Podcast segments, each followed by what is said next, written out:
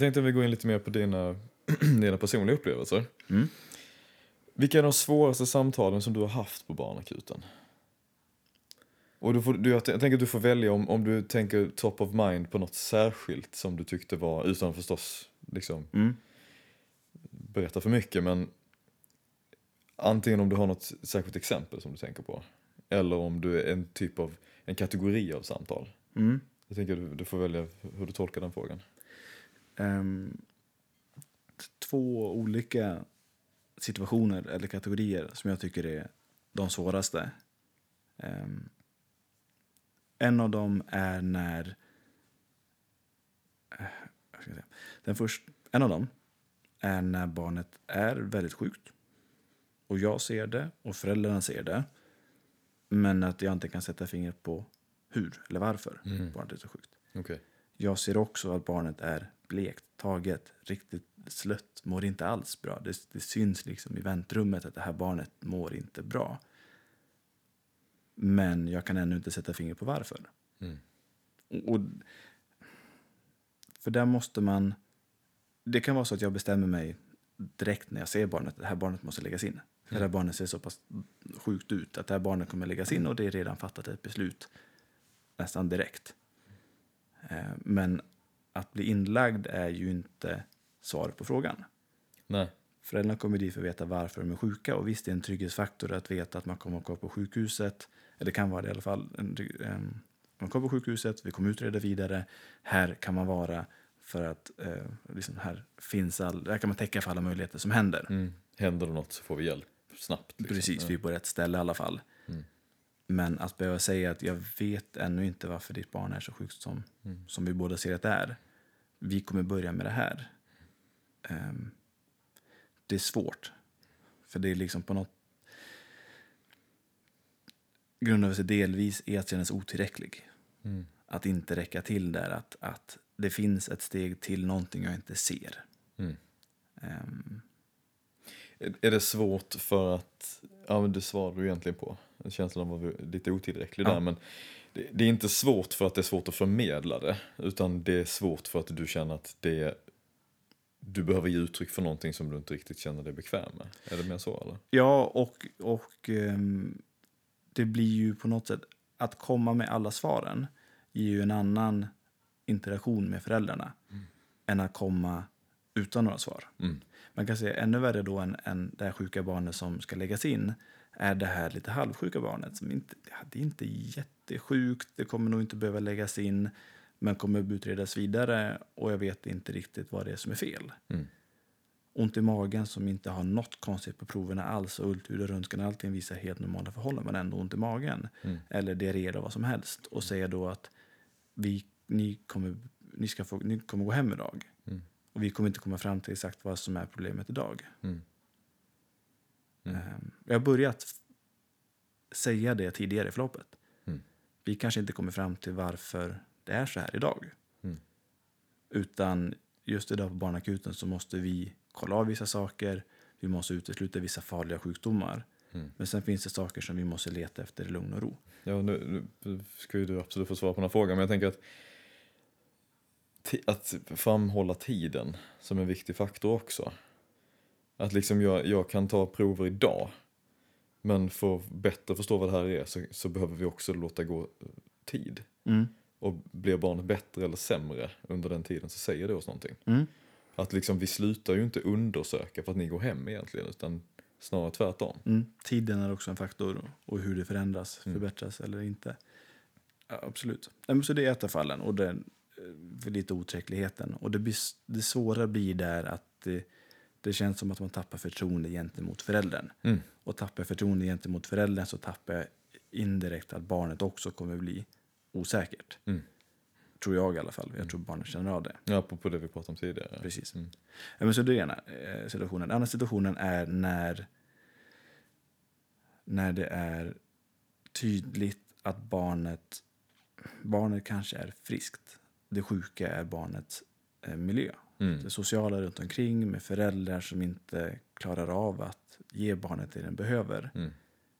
Ehm, och det finns många fall, tyvärr, där vi ser, ett, där vi ser att problemet är föräldern. Kanske inte att den projicerar sjukdom, men vi ser liksom att anledningen till att det inte funkar är för att den här föräldern klarar inte riktigt av att hantera antingen den här situationen eller att hantera sina egna ekonomiska förhållanden eller sociala förhållanden eller sköta ett hushåll. Och det finns social... Eh, SOS liksom hjälper till jättemycket. Men det är ändå... Det, ja, men det, det smärtar mig också. När jag inte, och det är också en otillräcklighet. Jag, vet, jag vet hur, hur löser vi det? Mm. Hur löser vi att folk hamnar i knarkberoende? Eh, hur löser vi att folk inte klarar att hålla ett jobb? Eller att folk kanske, att det kanske inte finns ett, en arbetsmarknad för vissa eh, människor och de människorna har barn. Mm. Och mitt jobb är att se till barnets bästa. Mm. Och jag ser att problemet sitter liksom en, en generation uppåt. Det tycker jag är jättesvårt. Ja, det är en annan diskussion egentligen. Men jag tänker på att det ställs enormt höga krav på adoptivföräldrar. Men alla som har den biologiska möjligheten att skaffa barn är helt fria att göra det. Mm. Oavsett vad man egentligen Exakt. skulle kunna tänka, ja, vad man kan klara av och vad någon överhuvudtaget skulle ha att säga om lämplighet att vara förälder. Mm. Så är det ju helt upp till var och en. Mm. Men som sagt, som, precis som du säger så det drabbar ju oftast barnen på något sätt. Mm. Sen finns det de som har ett väldigt trasigt och brokigt förflutet som blir fantastiska föräldrar också. Absolut. Absolut. Och det finns de som, som ger upp allt för sina barn. Och som anledning till att det är eh, stökigt hemma eller anledning till att de inte att de ligger back på hyrorna är för att de ser så mycket till barnets bästa. Absolut. Mm. Och det finns många som lägger ner hjärta och själ i sina barn. Eller alla gör väl det förhoppningsvis. Mm. Men det är det, är, det jag tycker är jobbigt. Mm. Jag förstår. Alltså, om jag läser lite mellan raderna så båda de sakerna handlar ju egentligen om en känsla av otillräcklighet. Mm, vi når I- inte fram och löser problemet. Nej. I, i för, första fallet att du inte hittar diagnos eller en behandlingsbar orsak till att patienten mår som det gör, att Mm. barnet mår som det gör. Och i det andra fallet att du identifierar en miljö som du inte rår på. Jag förstår. Hmm. Intressant. Det var, det var inte riktigt det svaret jag hade väntat mig faktiskt. Jag, Nej. Ehm, som, när jag formulerade frågan så var det mer så här, kämpiga samtal. Så till exempel om, jag kan tycka att vissa samtal på akutmottagningen som jag har haft har varit svåra som har bottnat i att det finns en ovilja att förstå eller liksom att bara samtalet inte går framåt för att jag blir misstrodd eller någonting sånt. Men, Mm. men det här är ju på det är på ett annat plan, det är ett liksom Mm. djupare, kanske mer personligt plan. Att, att, att det blir väldigt svårt. Och det Mm. vittnar ju också om knepiga, alltså väldigt svåra situationer som kan uppstå just i situationen med barn. Mm. Just att det finns någon annan som har ansvaret. Den enda parallellen jag kan tänka mig till det på vuxensidan är väl den som vårdar en dement anhörig. Mm. Tänker jag. Det är också ett annat. För, det, för det, där, kan du, där har jag upplevt lik, liknande situationer. Att allting håller på att rasa ihop. För att man inte inser vad problemet egentligen är. Liksom att det, det finns inte resurser hos någon av de här människorna att kunna ta hand om varandra. Mm. Det skulle behövas utomstående hjälp men att nej, men vi har alltid klarat oss själva. Mm. Och sånt liksom. Det är Mm. det enda. Ja, precis ovilja från något håll. Mm. Nej, men så det, men det, är, det är väl de, det är de fall jag tycker är jobbiga. Sen tror jag att alla kämpar med sitt eget. Ehm, och det är väl klart, det, aldrig, det finns ju situationer med att ge svåra besked. Aldrig heller särskilt roligt. Ehm, men det, det tror jag är mindre tröskel just för mig. Det, det är fruktansvärt att se en familjs eh, kanske förhoppningar om sitt barns framtid bara splittras för att man ger en diagnos som är, kan vara ett dödsbesked Mm. på sikt. Mm. Hur ofta händer det? Eh, för mig sällan. Eh, För att du inte, alltså, du är inte den som förmedlar dem eller för att du inte träffar de här barnen? Eh, för jag är inte den som förmedlar dem. Nej, okej. För det, vi har ju som primärjour på barnakut, alltså första ledet, så visst, jag träffar dem ofta. Eh, och jag kanske är den som, som upptäcker symptomen som sen leder till diagnosen. Jag kanske är den som, som tar emot det akutsjuka barnet på akutrummen. Mm. Men ehm, i mångt och mycket så hinner de komma till en avdelning där de sen får den definitiva diagnosen. Ja. Och det är där man också ska sitta ner och berätta. För det måste ske i lugn och ro. Mm, ja, precis. Och jag är inte där det är... lugn och ro. Ja, det är typ så. Okej. Nej, jag förstår. Nej, det är fullt rimligt. Ja. Utan det skulle i så fall vara längre fram som du... Ja, beroende på precis vad jag sen subspecialiserar mig som. Mm. Vi har ju bland annat en barnonkologisk avdelning i Linköping. Där, där jag tänker där de ger väldigt många sådana besked som är livsförändrande. Mm. Och de avundas ju inte. Nej, inte jag heller. Okej. Hur brukar du handskas med oroliga föräldrar? Eh, bemöta oron. Bemöta och bejaka. Mm.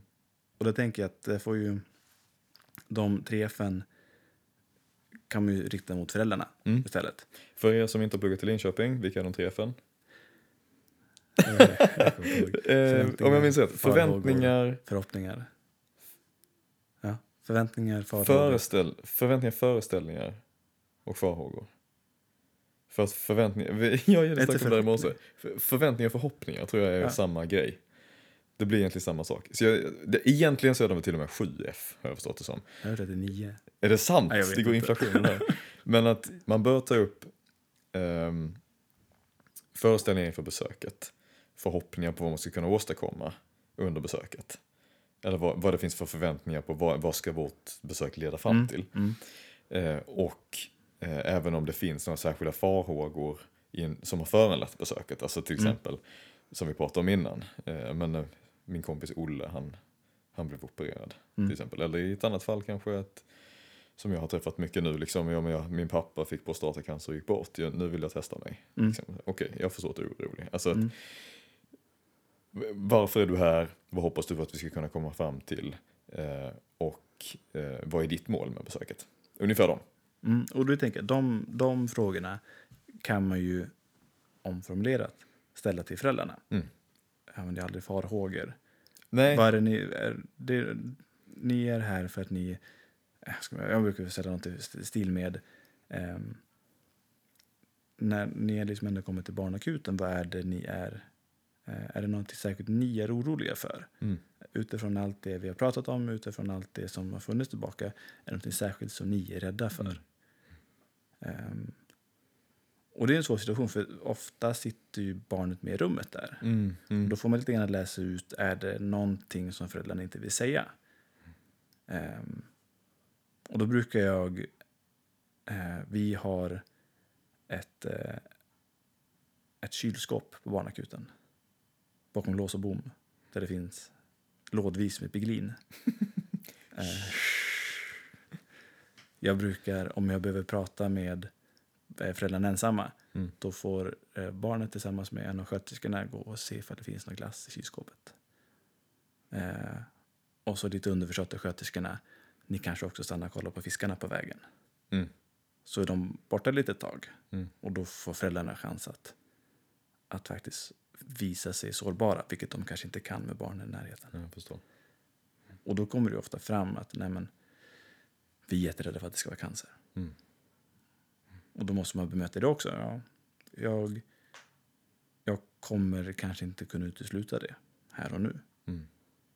Men då vet jag vad vi måste leta efter. Mm. Då vet jag vad vi måste bemöta Mm.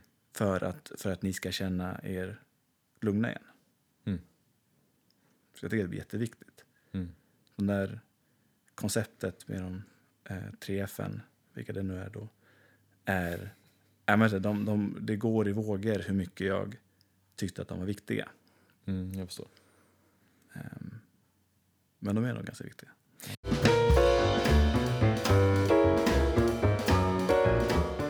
Mottagandet av en patient på en akutmottagning är ju alltid, eller i alla fall i Linköping, en, en, ett teamsamarbete. Ja. Händer det att du ber om något särskilt från dina sköterskekollegor? Ehm, Eller på något sätt arrangerar upp för att möta upp oron? Alltså skapar du plats, skapar du tid för någonting annat än just när du är i rummet? Ja. ehm, nu, du får stoppa mig om det inte blir svar på frågan. Mm. Men vi har ju... ehm, teamarbetet i sig blir ju lite lösning på det problemet. Det är...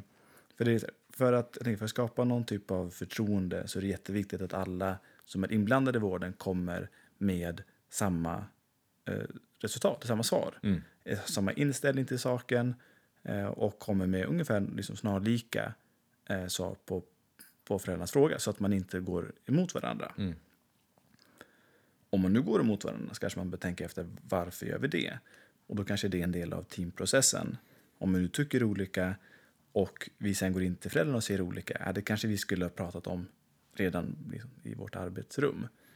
Okej, men vad tänker vi om det här? Ja, Jag tänker nog att det här är ett ganska friskt barn. Va? Jag är ju ett jättesjukt barn. Okej, men det är ju spännande. Mm. Varför då? Eller vad, vad är det du ser hos det här barnet som gör dig orolig? Mm. För jag tänker att alla som jobbar inom vården har något att bidra med när det kommer till ett patientbemötande eller patientkontakt. Mm. Alltså även, även studenter som kommer på sin första dag, även eh, i alla yrkeskategorier kan få en magkänsla. Mm. Och sen kanske den mest erfarna av erfarna har en magkänsla som är bättre grundad. Men man måste samtidigt bemöta allas magkänsla i det och på något sätt arbeta mot gemensamma mål. Mm. Och får man ihop det, får man ihop teamarbetet, får ihop så att alla är på samma plan, alla arbetar mot samma mål, så tror jag också att man får en bättre kontakt gentemot ehm, mot familjen och barnet och föräldrarna. Mm. Och man visar på något sätt att ja, men, ni har kommit hit, vi är teamet som tar hand om er. Mm. Utifrån alla aspekter. Vi kommer, vi kommer se till att det här blir bra. Mm. Ehm, Förtroende återigen på något sätt. Förtroende, absolut förtroende igen. Så det är väl en sak. Sen kan man, om man tänker så här, praktiska eh, knep, så är det väl att, att skapa sig tid eller skapa sig luckor. Ehm, det kan vara svåra samtal där man måste förmedla till sitt, eller prata med sitt team och säga att jag kommer, det här kan ta tid. Mm.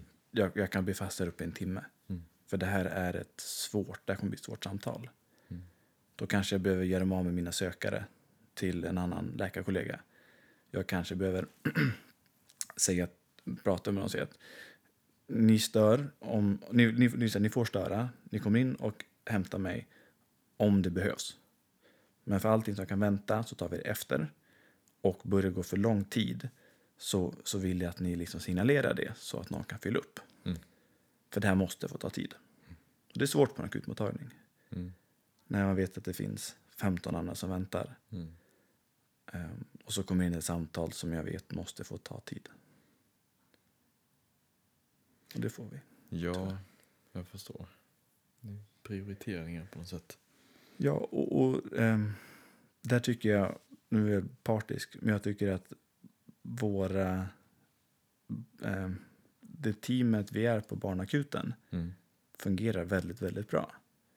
För alla tar hänsyn till både varandras kompetenser, åsikter, men också hjälper varandra att göra sitt bästa. Ehm, vi hjälps åt. Med att, jag menar, så behöver jag behöver jag som läkare sitta och prata igenom ett långt jobbigt samtal så vet jag att jag har jätteduktig personal som, som, låt, som får saker att rulla. Det ligger inte bara på mig.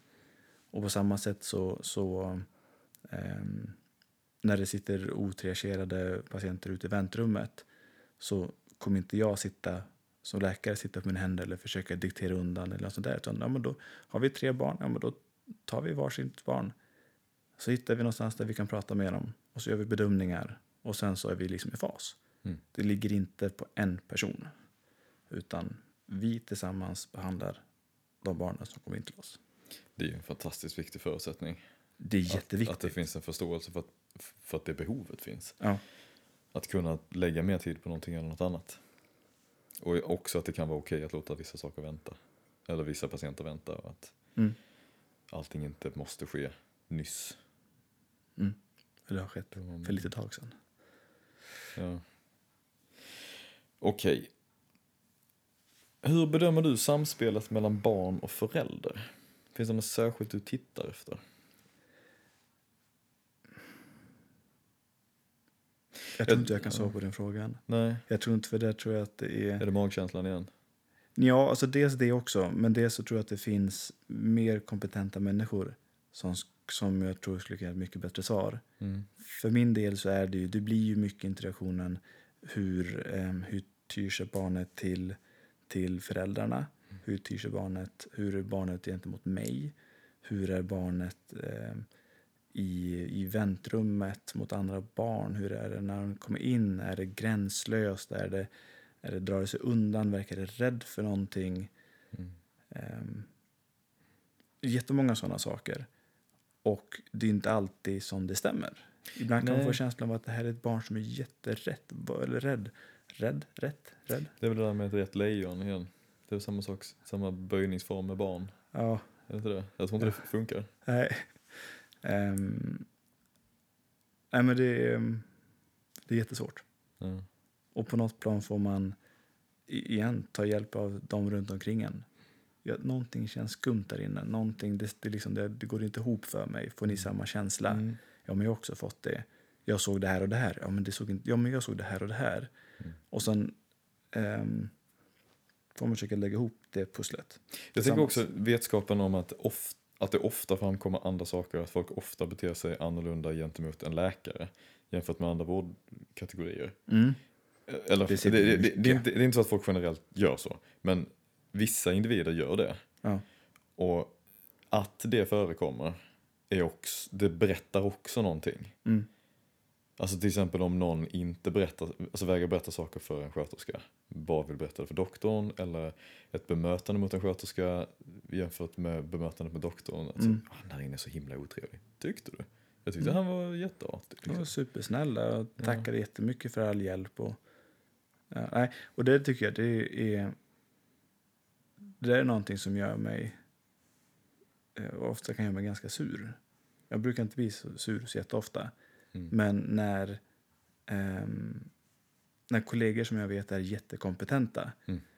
nedvärderas eh, utav anhöriga för att de är bara sjuksköterska. Mm. Mm. Och jag vet att ja, men den här bara sjuksköterskan har också en eller två specialist eh, sjuksköterskeutbildningar och har Mm. jobbat i 10-20 år. Effektivt sett dubbelt så länge som man själv har jobbat. Minst. Minst. Och, liksom, och, och skulle kunna i mångt och mycket driva akutmottagningen förutom vissa. Liksom, visst, det är klart det finns fall där jag tror att jag behövs också. Mm. Men där de nedvärderas även på enkla fall. Mm. Jag vet jag har ju hört historier om, om jätte, jättekompetenta eh, barnsjuksköterskor som har, för att kunna få respekten från föräldrarna eller att föräldrarna ska lyssna på vad de säger, har gått och hämtat en... ja, ofta är det tyvärr också så att det är, eh, när det, att det är kvinnliga sjuksköterskor Mm. som ehm, då liksom inte får någon respekt från föräldrarna. Som går och hämtar en, en akutläkare Mm. som inte vet någonting om barnet. Men som bara egentligen står där som någon typ av kan du, kan du lyssna på den här mannen istället? Jag har då? tagit med mig Han har ju skägg. eh, Ja.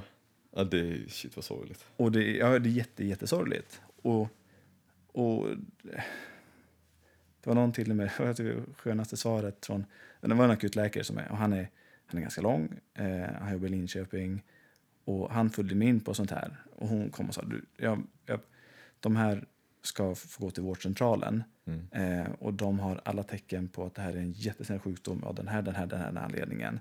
Min barnläkare är på en förlossning och han kommer stå där i minst två timmar till. Jag vill hänvisa de här till vårdcentralen men de vägrar. Mm. Ehm, kan, du, kan du bara liksom... Dels kan du gå i god... Kan du stå bakom det? Om jag hänvisar dig sen kan du stå bakom det. Mm. Och då säger de ofta, alltid ja. För det, de är väl argumenterade om de vill skicka hem utan läkarundersökning. Mm. Och då sa han så här, ja. Vet du vad, jag har en ännu längre läkarstudent. Vi går in båda två. och, det, och, det, och, då, och det värsta var, då, då blir de jättetrevliga. Ja. De här patienterna som har varit ganska ohövliga mot den här superkompetenta ehm, och där tror jag verkligen hörde hemma då kvinnliga barnsjuksköterskan ehm, blev jättetrevliga istället mot den här akutläkaren som inte alls besitter samma barnkompetens. Nej. Nej, Det där är ju ett problem. Ja, och det här, alltså, det är få saker jag blir sur över. Ja. Men det är en av dem. Ja. När det är på sådana onödiga grunder. Ja, Ja. Mm. ja, jag förstår. Eh, Men apropå den här frågan då, samspelet mellan barn och föräldrar. För att jag ställer den till dig Mm. Är lite för den här smygande känslan av att jag antagligen har missat en massa oegentligheter. Mm. Genom att vara dålig på, på att bedöma samspelet mellan barn och föräldrar. Mm. Och det grundar sig rätt så mycket på föreläsningar som vi har haft med Åsa Kastbom Mm. här i Linköping. Åsa Kastbom jobbar på BUP Elefanten i Linköping som är eh, ett barntraumateam. Folk, som, eller folk, barn som har blivit utsatta för saker av eh, människor i sin närhet ofta. Mm. Eller generellt. Eh, där Åsa dels säger att alla har träffat barn som blir utsatta för övergrepp.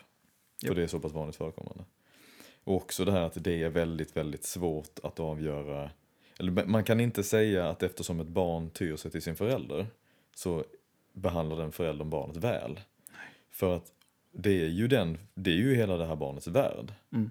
Det är ju den största tryggheten barnet har, trots att föräldern också utsätter barnet för otroliga eh, trauman, och, eller potentiellt skulle kunna utsätta barnet för otroliga trauman och en otrygg miljö, men det är fortfarande den största tryggheten. Mm. Just att i, den, i det samspelet så barnet kommer liksom ty sig till sin förövare, i vilket fall. Mm. Det jag funderade på var, vet du någonting särskilt som ni får lära er som barn-ST eller så som ni ska titta efter? Inget. Eller ja, ingenting. Typiskt. Ja, eh, jo, det, det är klart vi pratar om att ha liksom radan på eh, och, och försöka se detaljer och försöka lägga ihop pusslet. Men vi träffar nog säkert många barn som också utsätts för olika saker som vi missar.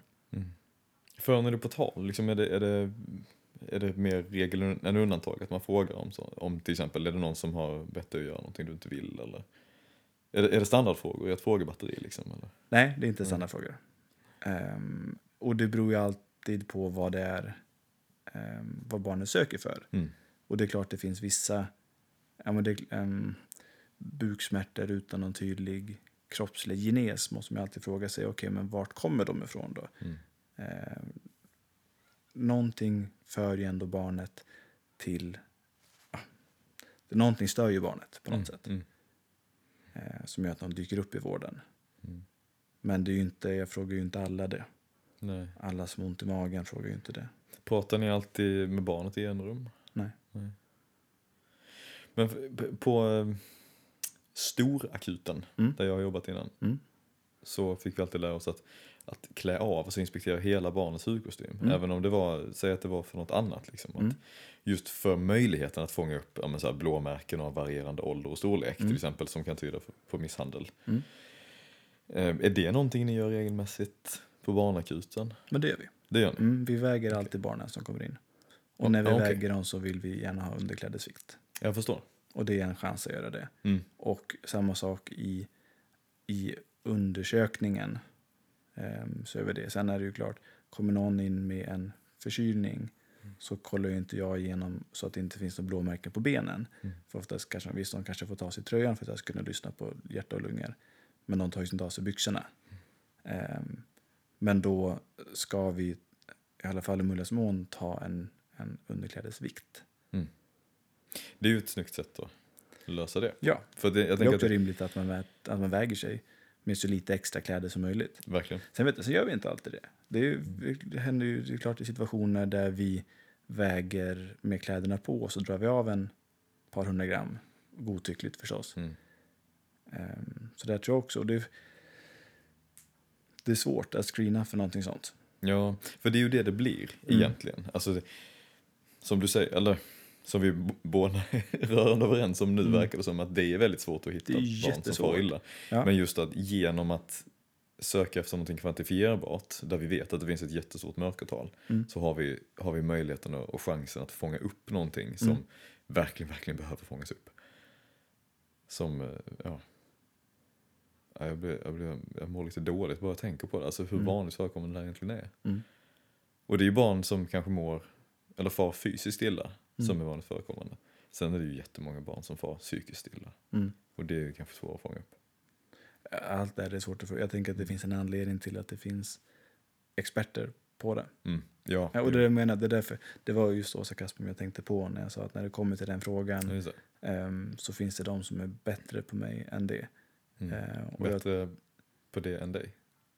precis. Jag vet, ja.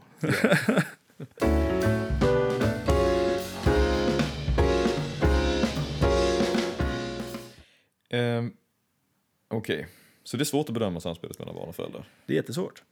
Eh, eller ja. Det är svårt om du tänker dig alla mörkertal Mm. som, som du inte fångar upp. Men jag tänker också att det är ju kanske de ovanligare situationerna. Även om, om man måste säga då att, att alla har nog träffat ett barn som har farit illa och vi har inte märkt någonting. Så tror jag att det finns också ofta så stämmer nog ens magkänsla av att det här verkar ändå vara en sund familj. Mm. Det kan nog stämma. Eh, och jag tror inte att man ska... Jag tror inte man ska gräma sig över att man har missat så många barn som far illa. För det är... Jag tänkte att det, folk håller många, många hemligheter väldigt, väldigt djupt. Mm. Och gläd, man får istället glädjas över dem man fångar upp och kan hjälpa. Ja.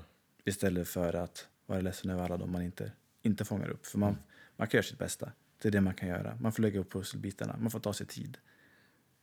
Och jag tänker apropå det här med att få en bra kontakt med föräldrarna också. Mm. Alltså statistiskt sett så är ju de allra flesta föräldrar inte barnmisshandlare. Mm.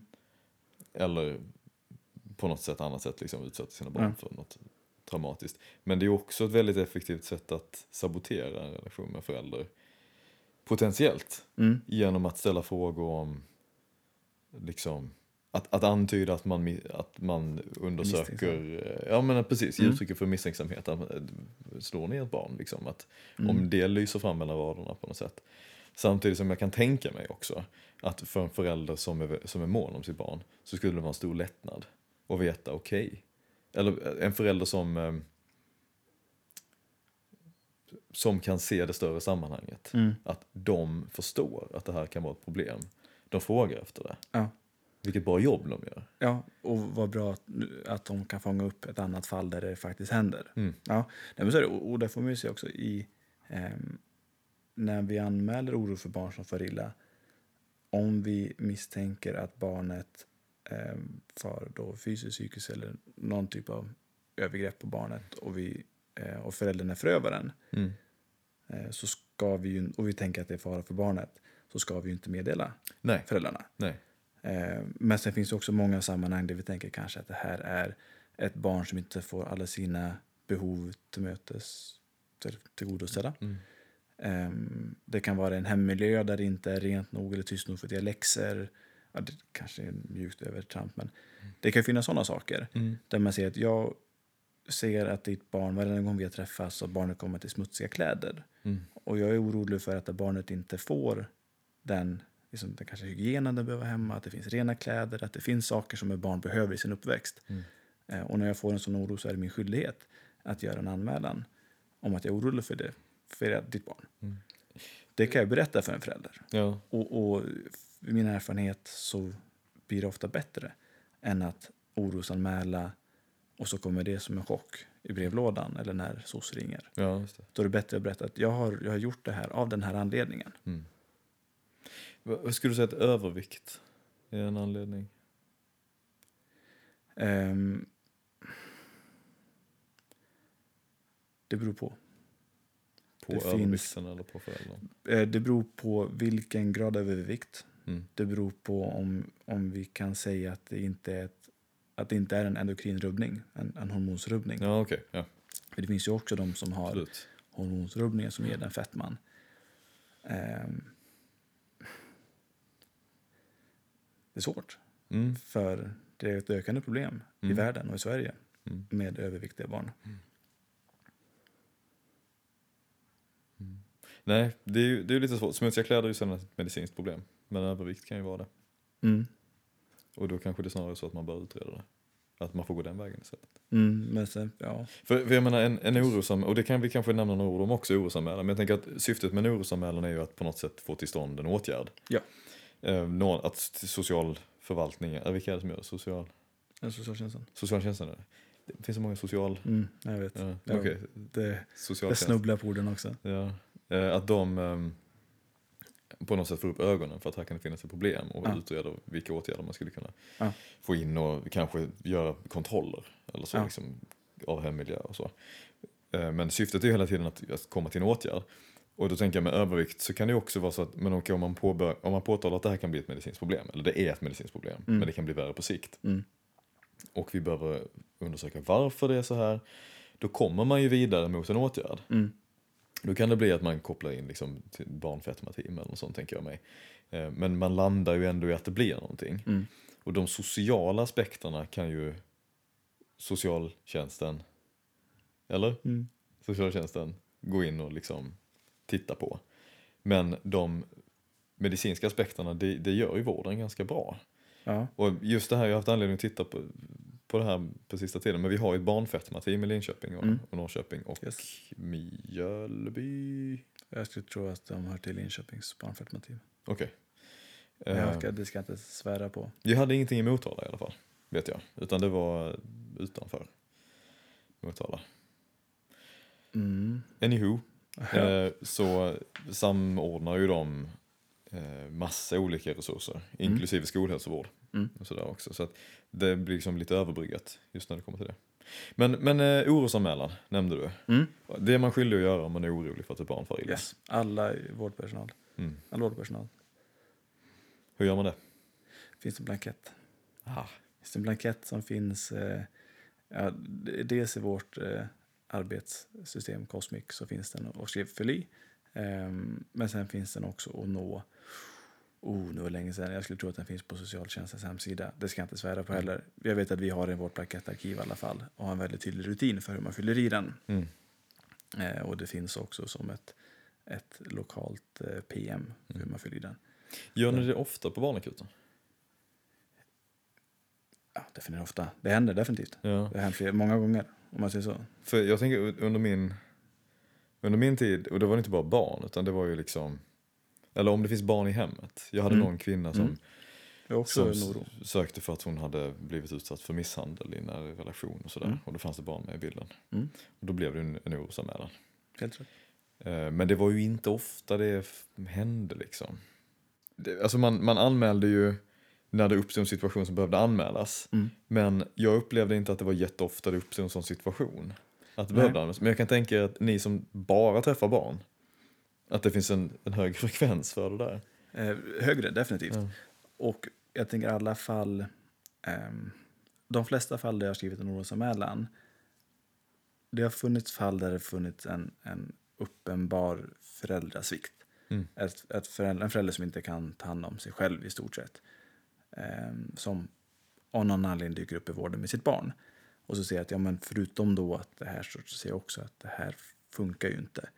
Ehm, du som, som förälder så går du ifrån ditt spädbarn för att gå ut och röka eller du, äh, med sådana ganska uppenbara övertramp som, är, som bara inte är okej. Mm. Eh, det där orosanmäler jag. Men sen har vi också, ehm, och det här, jag vet inte om det kommer i perioder eller så, men vi, eh, barn som mår psykiskt dåligt Mm. som antingen eh, gör utspel för det och, och skadar sig själva eller tar tabletter eller på något sätt försöker... Ja, de, de kommer ju ibland till barnakuten beroende på vad de gjort för någonting så kommer till barnakuten för en, en bedömning först innan man tar kontakt med det psykiatriska teamet. Och där är ju alla sådana kontakter en orosanmälan också. Mm. För om det är barn som mår så psykiskt dåligt eh, att den skadar sig själv eller överväger ta sitt liv, eller försöker ta sitt liv.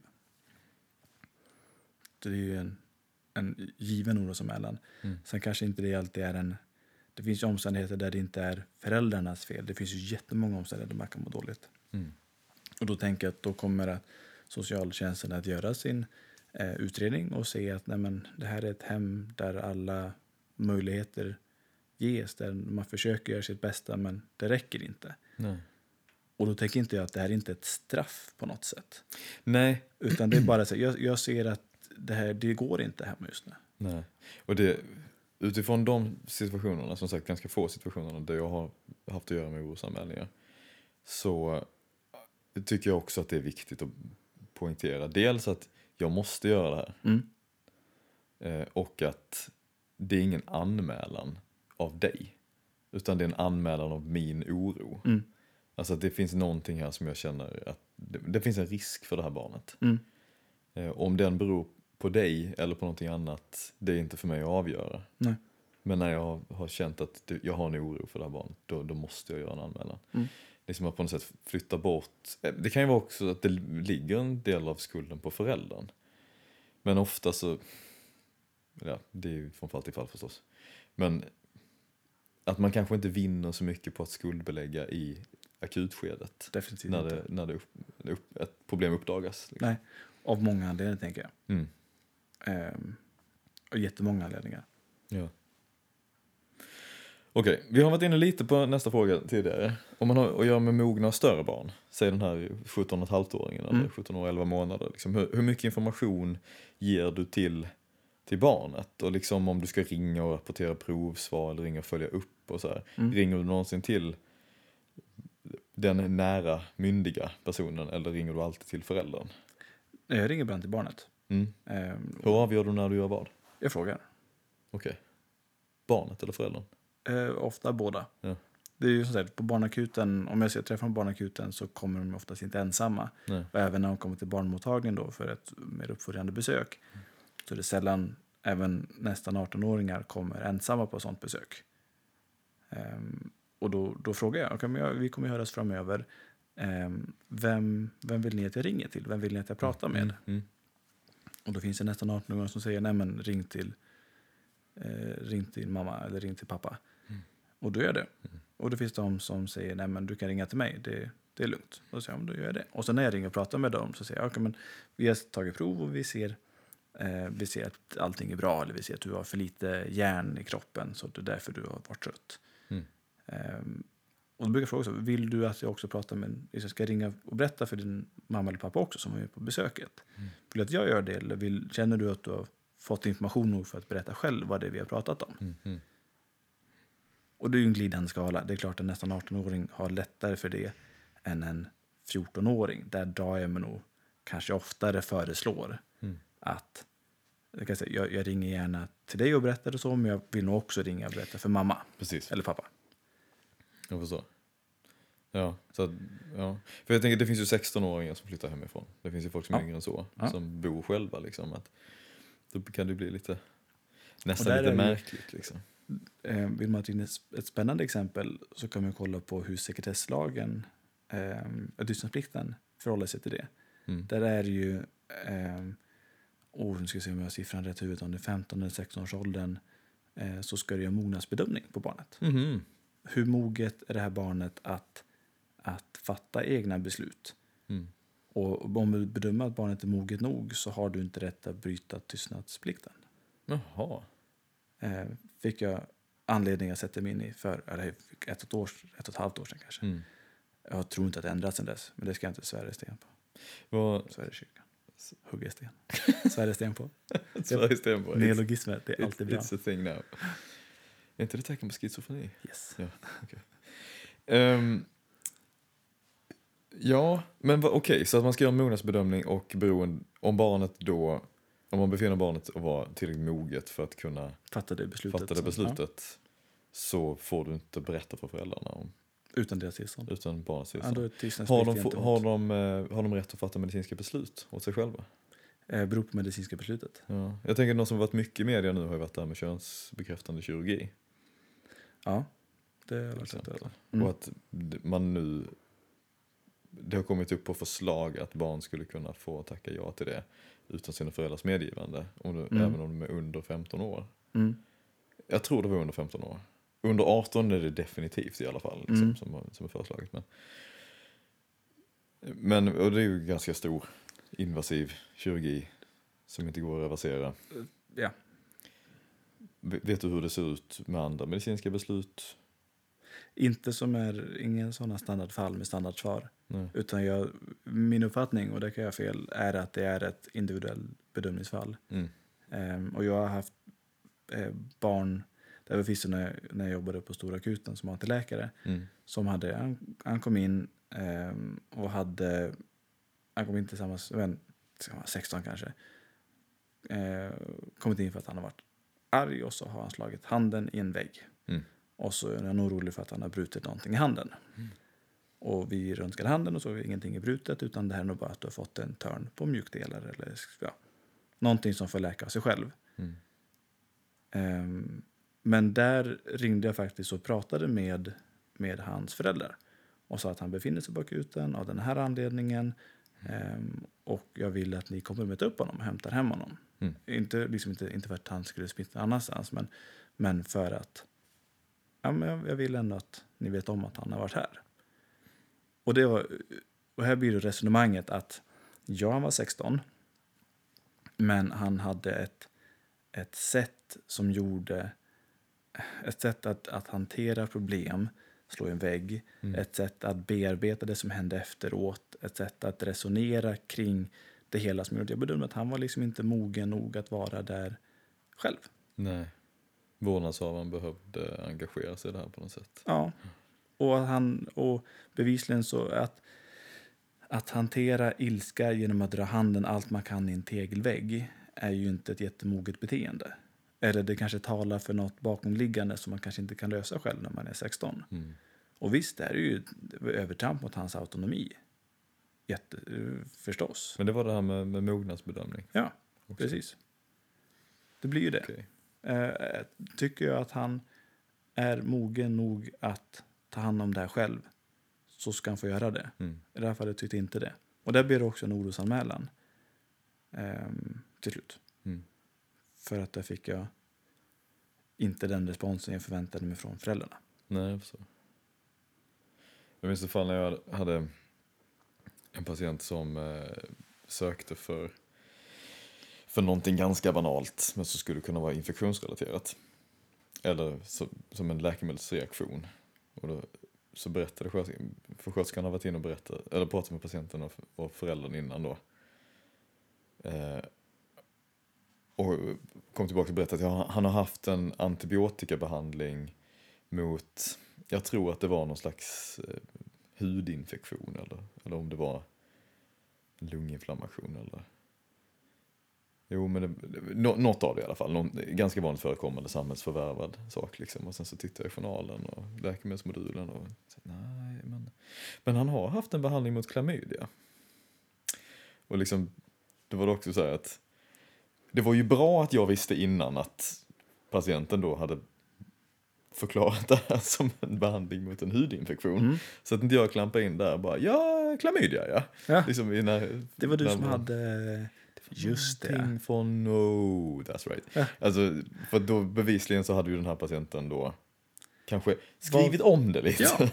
för att det kanske var lite genant att söka vård och berätta att man nyligen hade varit behandlad för klamydia Ja. med sin mamma i rummet. Ja. Eh, Och det tänker jag så här, person men det är, ju ans- det är ju väldigt ansvarsfullt för, av den här personen att, söka vård för sina besvär och faktiskt få en behandling för det och Mm. fullfölja den och så här.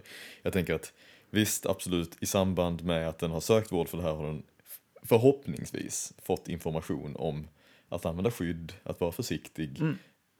Det, allt sånt här som bör förmedlas till, nå- till någon som är liksom under 18 och har fått en könssjukdom. Mm. Så att jag kanske kunde komma runt och göra det med mamma i rummet. Jag, klart jag kunde be mamma gå ut liksom. Mm. Men det var på en akut tid liksom, där vi hade kanske en kvart på oss att göra det här. Och göra. Mm. Och där Ja. tänker jag också, där kanske man eh, bara inte behöver... Du hade ätit antibiotika alldeles nyss. Ja. Mm. Och vad är det för? Ja, det var en hudinfektion. Just det. Den antibiotikan du åt, den Mm. kan man få den här typen av reaktioner för. Precis. Ja. Bara liksom så här, okej, men, Mm. men låt, eh, låt barnet i det fallet Mm. välja hur mycket vi ska säga. ja, Ehm, precis. så det här blir tre gånger svårare när man då också får, eh, när föräldern är sjukvårdspersonal. Ja, Yes. precis. Mm. Du kommer få en, varit med om det Eh, nej, också. men den är ju inte för... Ja, jag, jag, och det brukar jag säga till barnen. det har varit, det här är några enstaka fall. Eh, dina föräldrar kommer veta vad det är. För den antibiotikan använder vi inte till någonting annat. Nej. Den kommer veta. Jag skulle råda dig prata om det Ja. innan. För det kommer. Det, det, här, det kommer inte gå mygla undan på den här och du behöver äta behandlingen. Ja, precis. Bara som ett, liksom, ett vänskapligt tips. Mm. Sen får de välja. Ja. Men det är inte upp till mig då att berätta för föräldrarna i det fallet, tänker jag. Nej. Nej, nej. Eller ja, det beror på. Nej men det beror, Men- precis, det beror väl på liksom. Om, om det är femte gången en 15-åring söker för. Mm. Ja, då tänker en annan femma. Men då har man kanske visat sig omogen att ta emot eh, den informationen. Precis. Och Det var väl där på mogenhetsbedömning igen. Precis. tricky business. Okej. Mm-mm. Ehm, när vi ändå pratar om föräldrar och... Du, du var inne på det här lite innan också. Eh, hur man förhåller sig till en vårdnadshavare när de verkar vara en del av eller hela problemet. Mm. Det, det här med buksmärtor hos barn till exempel. Och, Mm. och det är också, det är också en, eh, en person jag pratade med tidigare som, som tog upp det, att liksom det var någon situation där de hade bedömt ett barn på akuten, det var någon buksmärta. Eh, och sen så, var, så insåg de så, nej men det här, vi behöver ju ha vårdnadshavaren här liksom. Och precis när de hade ringt till vårdnadshavaren Mm. så liksom brast fördämningarna för den här patienten och Mm. berättade om en otroligt otrygg hemsituation. Det förekom nog inte fysiskt våld men psykisk misshandel liksom. Och, och plötsligt så hade de ringt in förövaren liksom. Mm. Och att det upplevdes som ett misslyckande Mm. i den situationen. Hur brukar du göra där? Jag tänker att det är jätteviktigt att, att man har pratat innan vad man tänker göra. Mm. Att, att berätta för barnet eller ungdomen, Mm. ungdomen i det fallet, ja, jag inte som, och säga det att jag tänker att vi måste nog ringa och ha här din mamma eller pappa. Mm. Ehm, dels som stöd för dig men också för att vi har det som rutin att vi vill ha en vårdnadshavare på plats. Mm. Och det är, det är så vi gör det. Och det är väl klart, det hade kunnat hända samma sak där att den personen inte hade sagt någonting förrän det var ringt och så brast fördämningarna också. Mm. Men de har skapat sig förutsättningarna för att man ska få den informationen innan man ringer. Mm. Och även då, säg att du hamnar i situationen där du har ringt in, i det här fallet då förövaren, Mm. då skulle jag säga okej, men jättebra. Då säger jag till i luckan att när föräldrarna kommer så, så visar de in, sätter dem i väntrummet, ger dem en kopp kaffe. Men vi, vänt, vi berättar inte vart barnet är än så länge. Nej. Och sen så får vi lite grann ta ställning till hur allvarligt det som har hänt. Är det så pass allvarligt att det här barnet inte ska följa med föräldrarna hem? Mm. Ringa polis eller? Ja, då har vi ett helt annat fall där vi måste göra en, eh, kontakta sociala jouren Ja, och det. kanske, jag vet inte hur, hur mycket man blandar in polisen i det. Sociala jouren, ja. Ja, då har vi en helt annan... Då får man, då får man släcka den branden Mm. när den uppstått. Då. Och det, f- det finns sätt att lösa det också. Mm. Ehm, Okej. det Nej, men för det, det, det- det här... Och det är ju det är ju hemskt att tänka på det, men det förekommer ju. Mm. Alltså just att, jag tänker mig att i liksom de allra, allra, allra, allra flesta fallen så är det en jättestor tillgång att ha med en förälder för Mm. er på barnakuten. Och det är eftersom det är därför ni har det som rutin, liksom, Mm. att det ska vara en vårdnadshavare med. Men i de fallen när det blir ett hinder, då, då är det ungefär så här ni handskas med det då, eller? Som du beskrev nu. Ehm, ja, det är väl det fallet där det dyker upp en vårdnadshavare efterhand. Mm. Men det finns ju också samband där det är eh, att de kommer in tillsammans med vårdnadshavare och vi anar oråd. Mm. Då får man ju också prata i, i en rum. Mm. Eh, och då tänker då säger man det till föräldrarna. Och vill man då säga att vi har det som rutin att vi alltid pratar Mm. med, med barnen i en rum, Mm. då gör man det. Mm. Eh, jag hade nog sagt det i så fall. Bara rakt ut. Så ja, vi har, eh, vi har som rutin att vi vill också höra vad barnen eh, har att säga när de är ensamma. Mm. Och det gör vi med alla barn. Och, och det här betyder inte att vi tänker något särskilt om just det här fallet utan det är en rutin som vi har. Men för Och vill man då, det här är också det, och det här är igen eh, mjuka värden och inte alldeles men har man då en förälder som vägrar? ja, För det är jätteklurigt. Det har vi haft flera fall med.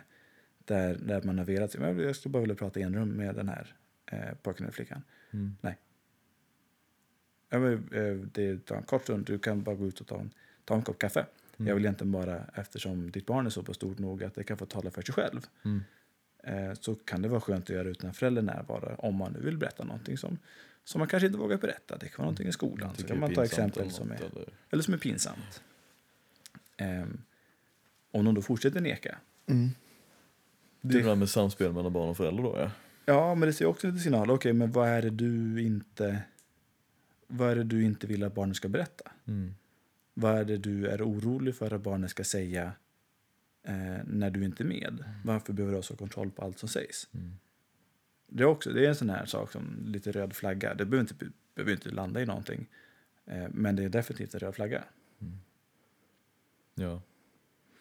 Sen tänker jag att det är väldigt lätt att börja tänka i termer av att man gör sig medskyldig till att barn far illa. Dels genom att inte ta upp de här sakerna förstås. Mm. Men så tänker jag också så här, okej, om jag nu insisterar på att prata med det här barnet på tu man hand, Mm. vad kommer det innebära för konsekvenser för barnet? Mm. Jag menar, det är ju på sätt och vis ett orimligt sätt att resonera på. Men det kan ju också få verkliga konsekvenser. Absolut. Det är lite som det här att plocka in någon på polisförhör i ett område där det är mycket kriminalitet till exempel. Mm. Vad sa du för något? Mm. Liksom. Har du källat? Ja precis, har du källat? Jag Mm. tänker att det, det lär ju inte göra det barnets dag bättre. Ifall det nu är så. Nej, och framförallt ifall det då om, om jag nog inte kommer fram till någonting som gör att, jag, att min misstanke förstärks. Att jag kanske till och med hittar, ja men det finns omständigheter som förklarar alltihopa. Okej, men det var ingenting. Mm. Och sen likt förbenat så missar jag någonting och där barnet ehm, får skulden för någonting den inte har sagt. Mm. Det händer nog.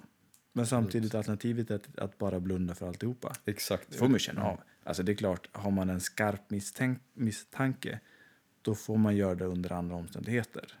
Och, och det finns ju... ehm, ehm, de har ju system när de behöver intervjua barn där det finns en brottsmisstanke och, och föräldrarna är förövarna. Då hämtar de ju upp barnen på skolan. Mm. Polisen kommer, eller social, socialtjänsten det nog som kommer. Hämtar upp barnen på skolan, tar med sig dem för förhör. Mm. Det, finns, det finns slående likheter mellan det här och liksom andra situationer med typ misshandel i hemmet. Att liksom hämta in Mm. folk från arbetsplatser och så här, liksom och bara hjälpa folk att försvinna från en dålig miljö. Mm. Eh, placera folk i skyddat boende och sånt här. Liksom. Och det tänker jag är... Ja. Man slåss nog med liknande svårigheter. Mm. Mm. Verkligen.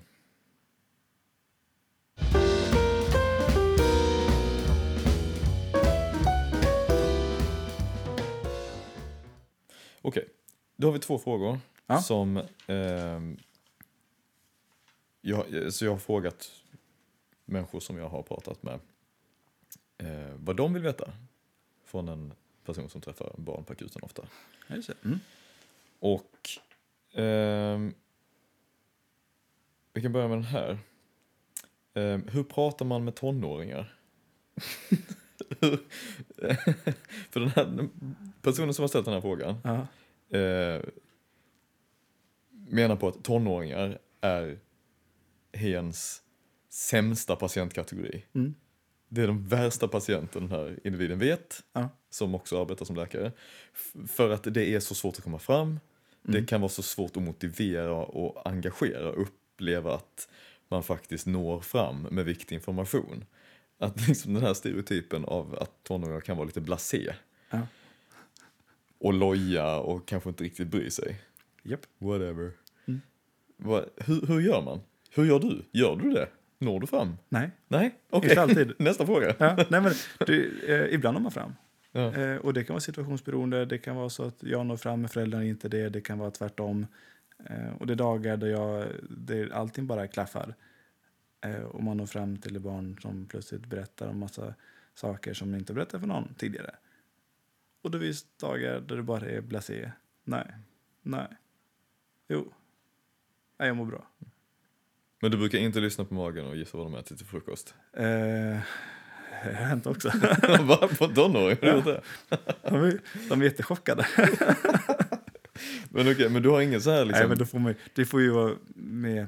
Det, nej, det, det är ju inte om du har en tonåring som är helt vrång och inte vill prata med dig Mm. så är lösningen inte att lyssna på magen och gissa vad de äter för någonting. Nej. På samma sätt som man inte kittlar dem under foten när man gör neurostatus. Killy kill. Ja, Det det, blir ingen, ingen bra stämning. det blir Eh, en jättedålig stämning. Men för du drog en gräns för såpbubblor runt 12-årsåldern, precis innan tonåren där. Yes. Vad, vad byter du såpbubblorna med? Alltså, har du något redskap som du använder, alltså, kanske inte fysiskt redskap, men har du någon teknik i din verktygslåda liksom, just för att kanske bryta igenom en sån barriär? Liksom? Sätter du dig på stolen bak och fram i undersökningsrummet till exempel? Kanske, eh, ehm, inte för tonåringars skull. Nej, Ibland gör jag det ändå. det är dina knän. Ja, det är mina knän. Ehm, det finns nog inget... Nej, man får, man får gå in och säga hej. Och sen får man se vad man har för... får man anpassa sig Mm. efter det. Och är det en, eh, är det en tonåring som inte vill berätta nå någonting alls, eh, då får man ta the bare minimum. Mm. Okej, men, men ni är här på barnakuten nu och ni är här för att du har haft ont i bröstet eller vad som helst. Och för att vi ska komma fram till vad det är för någonting. Eh, Okej, barnakuten är ett sämre exempel. De brukar nog ofta veta varför, de brukar vilja komma dit. Mm. Eh, men säg på barnmottagningen. Eh, vi är här för att prata om din astma och vi måste göra ett par saker. Det, det, det här kommer hända, vi måste göra det här idag. Så det är bättre om, om vi kan komma fram till vad som är fel så vi kan hitta en lösning på det och sen så, Mm. så går vi skilda håll. Okej, så kanske lite vara okej med att det inte alltid går Mm. och göra det bästa av det de gångerna det inte går. Mm, precis så. Okej. Och så får man också lite grann då lägga det i den mån det går till tonåringen. Men det, vet, du, vet du varför du är här då? Du verkar inte vilja vara här. Vet du varför du är här? Nej, men jag måste alltid komma hit. Ja, men du kom hit för att du har, säg astma då. Eh, och, och vi vet att om vi inte behandlar din astma ordentligt så kommer du få besvär, du kommer få mindre ork, du, får, du blir sjukare. Mm. Och försöka förklara, liksom få en, på något sätt hitta gemensam, ja, men hitta gemensam mark. Det kan Mm. vara sammanfattningen. Hitta, om, hitta gemensam mark. Mm. Mm. Det kan vara jättesvårt. Försöka... Ja, det måste man utforska tänker jag. Alltså Ja. forska efter, efter vad, vad är viktigt för dig. Ja. Vad gör du om dagarna? Vad tycker du är kul? Mm. Sådana saker liksom. Och förklara att det kanske blir svårare om de inte använder sin insulinspruta på det sättet det var Ja. tänkt. Eller? Och- Mm. Mm. Det är en utmaning. Insulin, ja. Jag har sett. Vi hade någon genomgång på, jag var på barnkliniken i Norrköping under, under läkarprogrammet. Mm. Och då var vi på diabetesmottagningen där och Mm. då var det någon som tog fram och sa ja, här är en eh, 13-åring eller 14-åring som sköter sitt insulin själv. Och det var så här, hej kom och hjälp mig. Mm. Det var en eh, kontinuerlig blod, eh, blodsockermätning, de här eh, transkutana som man sätter Ja. fast med ett plåster. Eh, och det var också så här, ja, typ låga sockernivåer fram till klockan 11 på kvällen och sen bara hetsätning Mm. och ja, kaos tror jag Mm. ordet jag söker. Eh, och de sa det att ja, det är ganska vanligt förekommande liksom, och då får man fundera på vad de, hur man ska dosera och hur man ska, Ja. göra. Och att det var en utmaning kontinuerligt. Och liksom. Det är och diabetes är extra så för det är sån här, du, du sitter med den sjukdomen livet ut. Mm. Och som tonåring att bearbeta det Mm. Ja. och hantera det och försöka hitta och att en del av trotsen kan bli att vägra ta sin medicin som är livsviktig för dig. Mm. Ja, Yay! och med de hoppfulla orden Ja. så tar vi nästa, nästa fråga. Eh, och jag har full förståelse för om du känner att det här kanske är bättre, en fråga som är bättre ställd till någon annan med tanke på det vi har pratat om med, ehm, med avdelning och svåra Mm. besked och sådär. Frågan är, hur pratar man om döden med svårt sjuka barn? Och i förlängningen också, hur pratar man om döden med barn som kanske är i kontakt med döden, med förälder som eh, eller ett syskon. Säg Mm. syskon till ett svårt sjukt barn. Eller så. Mm. Har du någon, Jag har inte gjort det. du har inte gjort det? Nej. Okej. Det här, men det finns ju, vi, eh, vi skulle få in en av dem på, på Bond, vår barnonkologiska. Eh, De gör nog det ganska ofta. de, dels gör de det av, nog mest, skulle jag tro, av, av oss på barnkliniken. Jag tror också att de är duktiga på det. Mm. Och vi har väldigt många där som är otroligt erfarna. som nog skulle kunna ge ett jätte, för, även för mig jätteintressant svar att höra deras Mm. syn på det. Vi får, jag kan spara den här frågan. Vi kan se ifall eh, vi har anledning att prata med någon om, eh, om någonting som tangerar det här. Är det någonting mer som du vill ta upp eller nämna på det här temat som du inte tycker har nämnts? Eh, jag är snarare rädd att jag har upprepat mig för mycket. Ehm, Nej, men alltså, jag, jag tänker att många av de här ämnena har ju tangerat varandra och du Mm. har svarat på frågor som delvis svarat på frågor som jag sen hade tänkt ta upp. mm. Så vi har berört ämnen men sen uttömt dem efteråt. Jag tycker, jag tycker inte jag upprepar det. Det var bra. Men jag, ehm, eh, någonting som vi inte har tagit upp. Jag tycker inte att man behöver vara rädd för att eh, träffa barn. Det är väl liksom sammanfattningen. Man behöver... Eh, det är annorlunda. Det är det. Det är inte... Eh, det är annorlunda på så många sätt. Men jag, jag skulle inte säga att det är... Jag tycker det är ju en irrationell rädsla. Fobi. Ja, det är ju en fobi. eh, sjuka barn-fobi. Ja. Eller egentligen inte sjuka barn-fobi. Barn på sjukhus. Jag vet inte vad man ska kalla fobierna. Men, men jag tycker att det, det är irrationellt på ett sätt. För det, det är så här, vad, vad kan hända? Mm. Du är rädd för att träffa barn på barn. Är du rädd för att, att barnet är jättesjukt? Eller för att det inte är sjukt? Eller för att du har svårt att skilja de två sakerna åt? Det är ju en erfarenhetsfråga. Mm. Du blir bra på det genom att utsätta dig för det. Mm. Och testa och träna. Och ja, det, det, du kommer inte lyckas varenda gång. Mm. Eh, och med tonåringar så kommer du inte nå fram varenda gång. Nej. Men du måste ju försöka.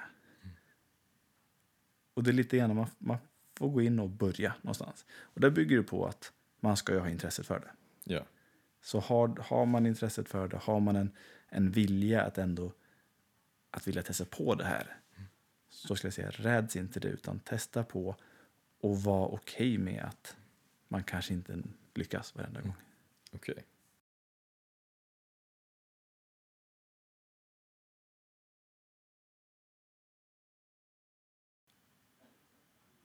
Det här med, med rädsla för sjuka barn kanske vi tangerar nästa, i nästa avsnitt. Precis. För vi kommer göra det till. Eh, Jag tänker att vi avrundar detta avsnittet här nu. Eh, Tack så jättemycket Jonathan för att du tog dig tid. Och eh, vill, i vanlig ordning, om ni vill höra vilken frukt Jonathan skulle vara, om han var en Ja. frukt och varför, så får ni lyssna på nästa avsnitt. Eh, Som kom, också kommer handla om barn, men en liten annan vinkel på det hela. Så eh, tack för att ni har lyssnat och tack igen Jonathan. Tack själv. Hej då! Hej.